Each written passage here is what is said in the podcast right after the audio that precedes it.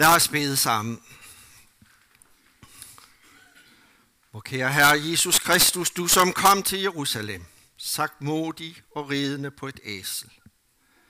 Vi beder dig, at du vil berede vej ved din hellige ånd til vores hjerter i dag, så vi kan tage imod dig og lovprise dig som den konge og frelser, du er. Hør os i Jesu navn. Amen. Og nu vil vi rejse os og lytte til dagens prædiketekst, som er fra Matteus evangeliet, kapitel 21, vers 1-9, hvor ordene lyder sådan i Jesu navn. Da de nærmede sig Jerusalem og kom til Betfage ved Oliebjerget, sendte Jesus to disciple afsted og sagde til dem, Gå ind i landsbyen heroverfor, og I vil straks finde et æsel, som står bundet med sit føl. Løs dem og kom med dem. Og hvis nogen spørger jer om noget, skal I svare, Herren har brug for dem, men vi straks sende dem tilbage. Det skete for, at det skulle opfyldes, som er talt ved profeten, der siger, Sig til Sions datter, sig din konge kommer til dig, sagt modig, ridende på et æsel og på et trældyrs føl. Disciplene gik hen og gjorde, som Jesus havde pålagt dem. De kom med æslet og følet og lagde deres kapper på dem, og han satte sig derpå. Den store folkeskare bredte deres kapper ud på vejen. Andre skar grene af træerne og strøede dem på vejen. Og skarne, som gik foran ham, og de, der fulgte efter, råbte, Hosianna, Davids søn, velsignet være han, som kommer i Herrens navn. Hosianna i det højeste. Amen.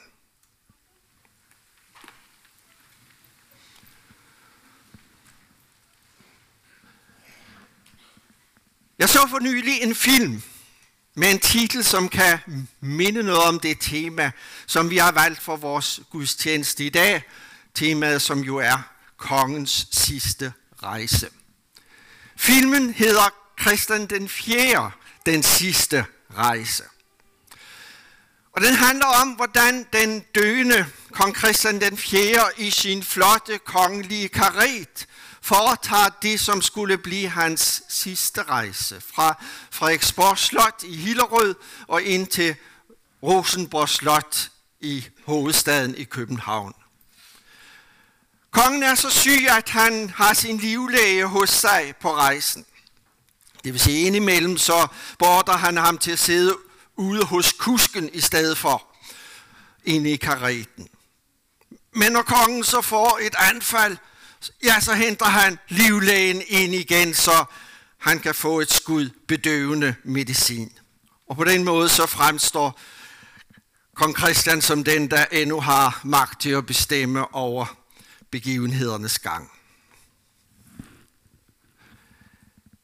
Men ifølge filmen, så er der ikke alene livlægen, som er med på den her rejse. På, for, på vej ud til kareten, der giver kong Christian ordre til, at man skal sende bud efter Kirsten Munk, som han har været gift med til venstre hånd, som man kaldte det, når det var en, der ikke var af kongelig herkomst. Kirsten Munk, hun kom i deres stormfulde ægteskab til at føde ham hele 10 børn. Og det er flere år siden på det her tidspunkt, at Christian han har forstødt, forstødt Kirsten Munk. Men nu hvor han ved, hvor det bærer henad, så vil han have hende med på denne hans sidste rejse. Det vil han få undervejs og få hende til lige frem at skrive under på, at det alene er hende, som er skyldig i deres fallerede ægteskab. Ved at lægge al skylden over på hende, så vil han ligesom prøve at pynte på og om muligt rense sit eget eftermæle. Nu er det sådan, at historikerne de mener, at Kirsten Munk faktisk aldrig noget frem. Men ifølge filmen, så stiger hun på undervejs. Og så får de to ellers et fornyet opgør. Og der foretages nogle filmiske tilbageblik på deres fælles historie, som bestemt ikke har været hverken konfliktfri eller på anden måde glorværdig. Kontrasten, den er slående til den kongens sidste rejse, som vi har læst om i vores tekst i dag. Det handler der om Messias kongen, Jesus Kristus, og hans sidste rejse op til Jerusalem.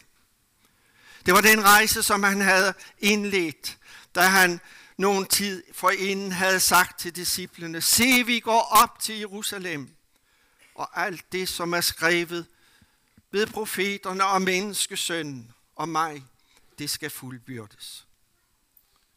I virkeligheden, så var den rejse planlagt, og på en måde også indledt langt, langt tidligere. Ja, længere tilbage, end vi nogensinde med vores forstand er i stand til at måle og løje. For det var jo Gud Faders plan fra evighed af, at sønnen skulle sendes ud i denne mission og frelse verden gennem sin død. Det var den plan, Jesus selv lader forstå, at profeterne igen og igen har forudsagt. At han skulle gå hele vejen for at dø som Guds offerlam i den udvalgte by Jerusalem. Det kan næsten få det til at, at svimle for en og tænke på, hvor, hvor utroligt nøje denne Jesus sidste rejse, den var forberedt. Og nu står han der, hvor han er nået frem til målet. Og vi står der i dag ved målet. Vi som i fastetiden på en særlig måde har fulgt Jesus på hans sidste rejse op til Jerusalem. Og jeg tænker mig, hvordan himmel og helvede den dag må have holdt været i bevidstheden om, at nu var det store øjeblik kommet, hvor selve planen den skulle fuldbyrdes. Dagen D var kommet. Det er som sagt taler om en slående kontrast mellem Christian den 4. og Jesu sidste rejse. Og det gælder på flere forskellige måder. For Christian 4. ja, der var det fortiden. Og det, som han havde opnået eller ikke opnået i den, som han i sine tanker var optaget af at forholde sig til. Og sådan sker det faktisk for os alle sammen. Og der ikke mindst, når vi er, som jeg, kommet lidt op i årene. At vi så let bliver ensidigt optaget af fortiden. Vi vil ligesom læne os op af den. Og mens kræfterne de viger, så vil vi prøve på at stive os selv lidt af med tanke på de resultater, vi trods alt mener at have opnået i fortiden. Eller vi kan føle et voksende behov for ligesom Kristus den 4. at få gjort op med det, som ligger gemt der i fortiden. Vi bliver ligesom ham optaget af og redde den sidste rest af ære, midt i alt det, som faktisk er gået galt for os. Vi begynder at ruge over det, som hører fortiden til. Og på den måde så bliver det fortiden, og ikke fremtiden, som optager os. På den måde så kan kong Christian den 4. sige sig afspejle os alle i vores forsøg på at, at ligesom redde, hvad reddes kan, inden det en dag bliver for sent. Før som prædikeren udtrykker det så poetisk, sølvsnoren brister og sørgetoget går gennem gaderne. Messias kongen Jesus. Han er på sin sidste rejse derimod optaget af det, som ligger foran ham. Det, som venter ham derinde i Jerusalem. Og hvad er det der, som venter ham der? Ja, vi sang det før med Kingo. Skal vi se, om vi kan få det op. Se, hvor nu Jesus træder hen til den morderstad. Endog man ham bereder så grumt, grumt et blodbad. Endog med guddoms øje sit fængsel kors og nød. Forud hans skuer nøje, jeg ser sin visse død. Det udtrykker ganske klart, hvad det er, som venter ham. Men det er jo også det mål, som han livet igennem har strakt sig frem imod, midt i dets forfærdelige gro.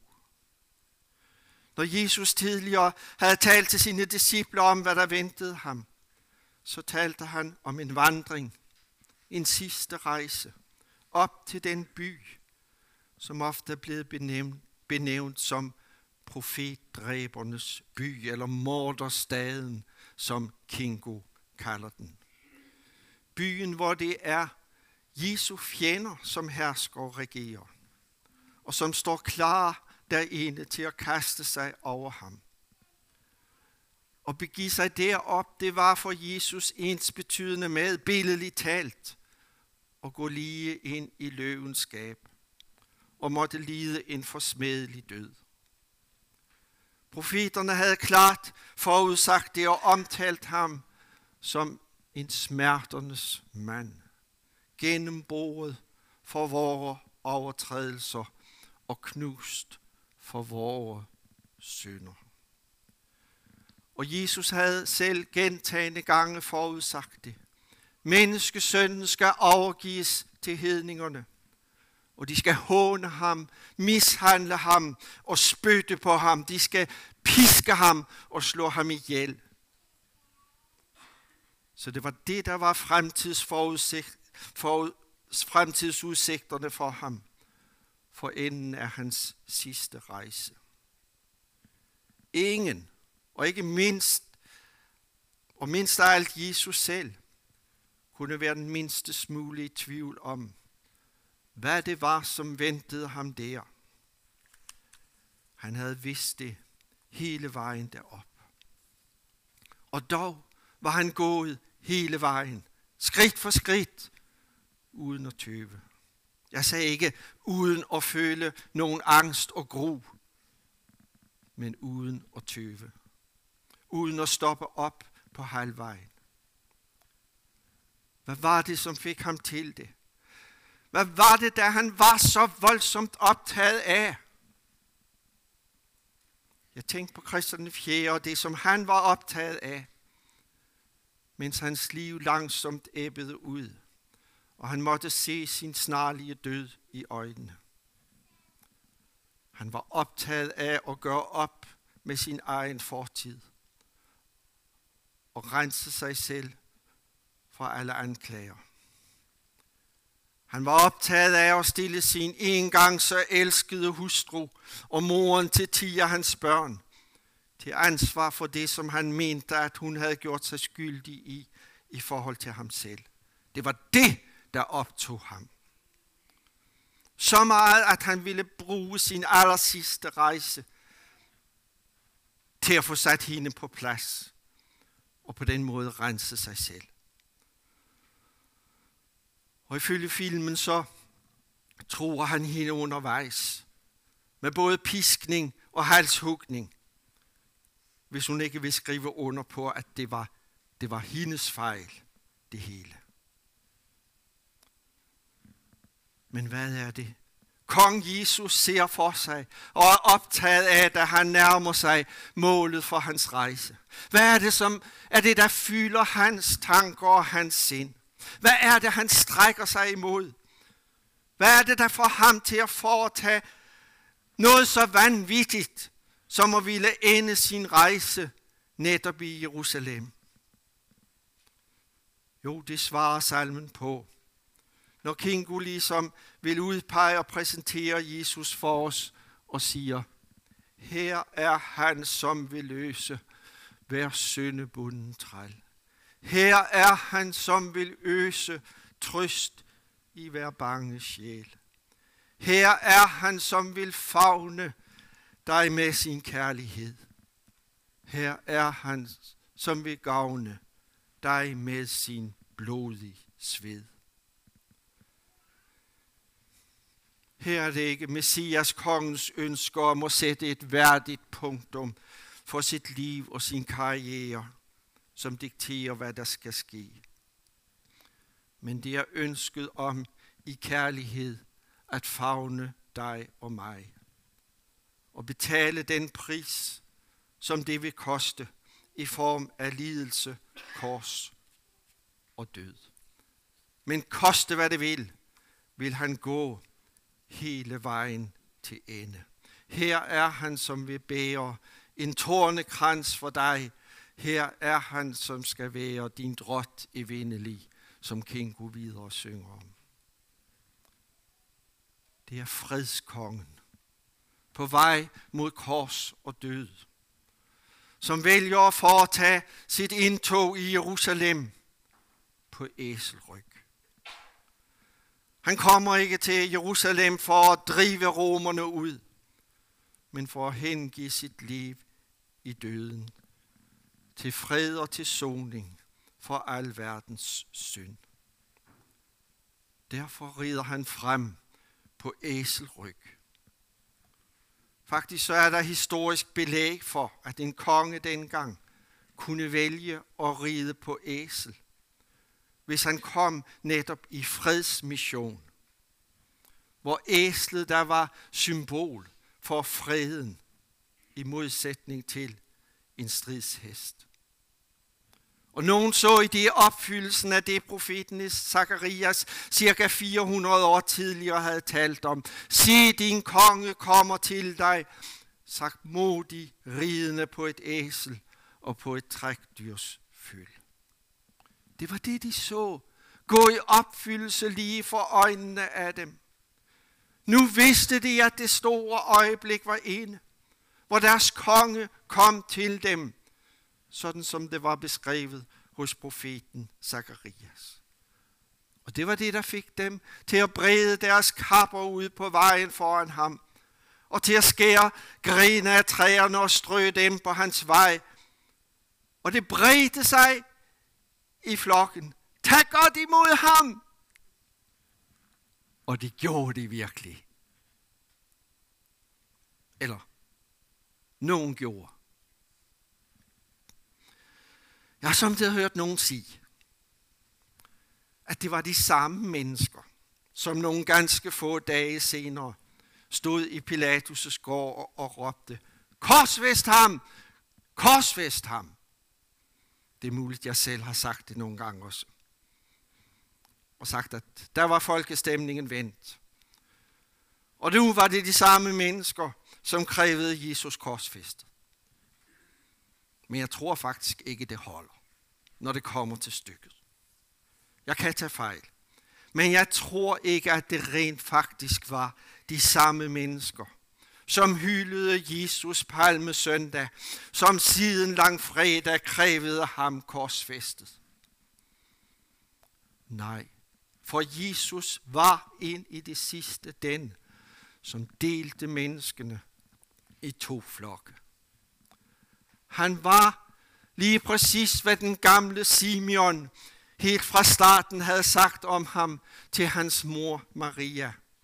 Han var bestemt til fald og til oprejsning for mange i Israel og til et tegn, som skal modsiges. Det er sådan, det forholder sig med ham. Og sådan er det helt ind til denne dag. Han er den, der deler vandene. Og han har altid gjort det. Nogen tager imod ham under glæde og jubel og siger, yes, ham Jesus, ham vil vi følge men andre fornægter ham og ønsker ikke, at han skal få indflydelse i deres liv. Det er ligesom det var med Christian den 4. på hans sidste rejse. De er mere optaget af at bevare deres selvbestemmelse og redde deres eget skin.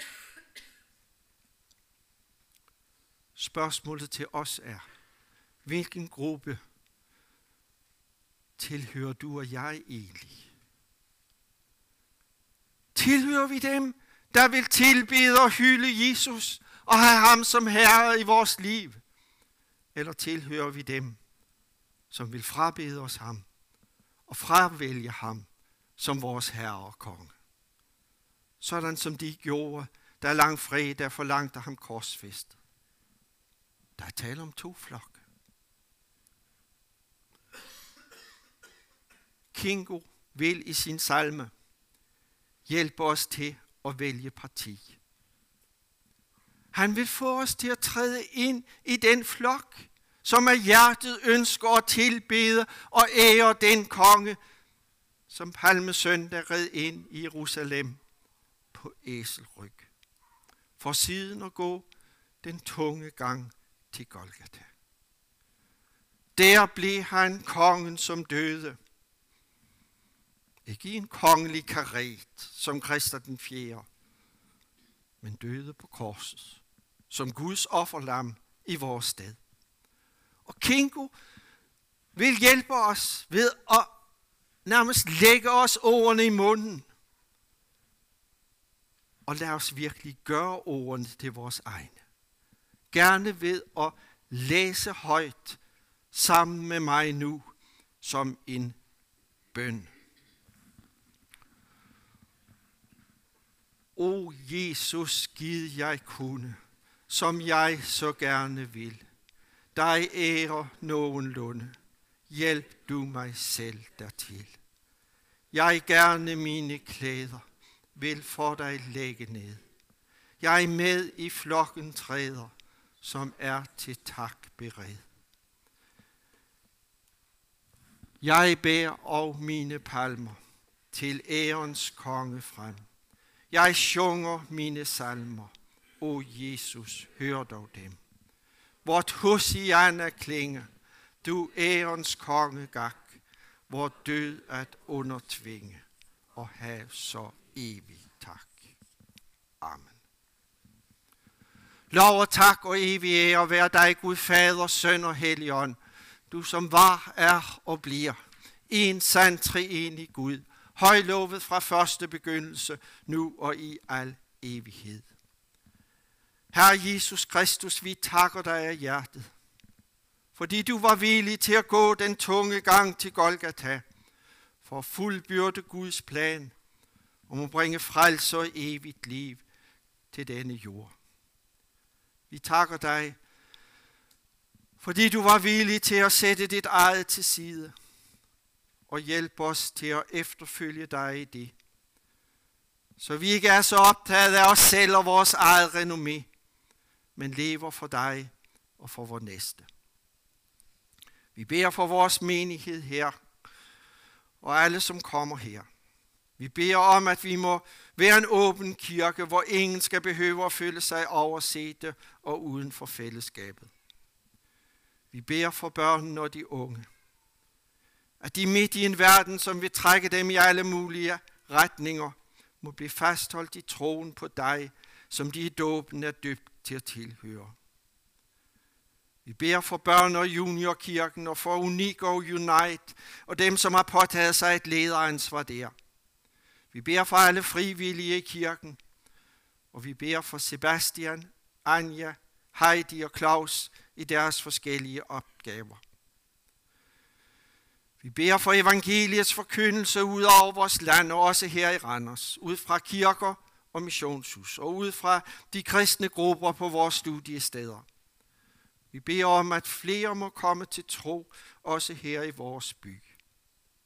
Vi beder for dit riges fremgang og vækst ud over verden. Vi beder specielt for dem, der er forfulgt for deres tros skyld og oplever krigens redsler. At du vil give dem kraft og udholdenhed i troen på dig midt i det pres, de er under. Vi beder for vores bestyrelse, for vores præst Peter Kofod Herbst og for vores åndelige vejleder Børge H. Andersen. Vi beder om, at de selv må stå under dit ords vejledning og med glæde bringe bud om dig. Vi beder for alle, som står i eller forbereder sig til en opgave, som præster og forkynder af dit ord. At de selv må være tændt i brand af dig, og forkynde dit ord i ånd og sandhed. Så beder vi for alle, som lider og har det svært. Trøst de bedrøvede. Helbred de syge og giv nyt mod til de bekymrede og modløse. Vi vil nu i stilhed nævne dem, vi særligt tænker på i dag.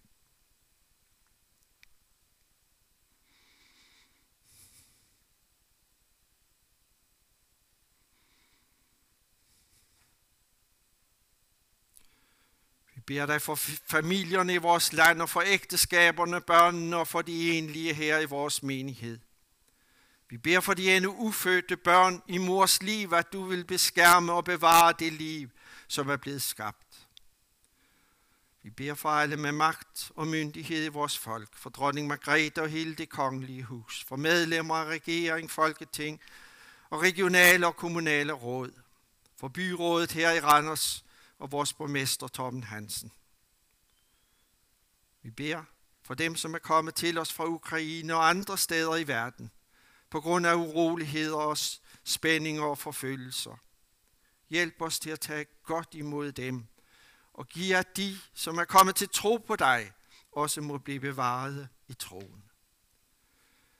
Vær nær hos alle, som mangler det nødvendigste til livets opretholdelse. Hjælp os til gennem kirkernes familiehjælp og række ud til dem her i vores by, som har brug for vores hjælp i deres hverdag, og gør, at de må tage imod hjælpen som en gave fra dig. Hør os, du fader, som skabte os, du frelser, som forløste os, du gode hellige ånd, som trøster os i livet og døden.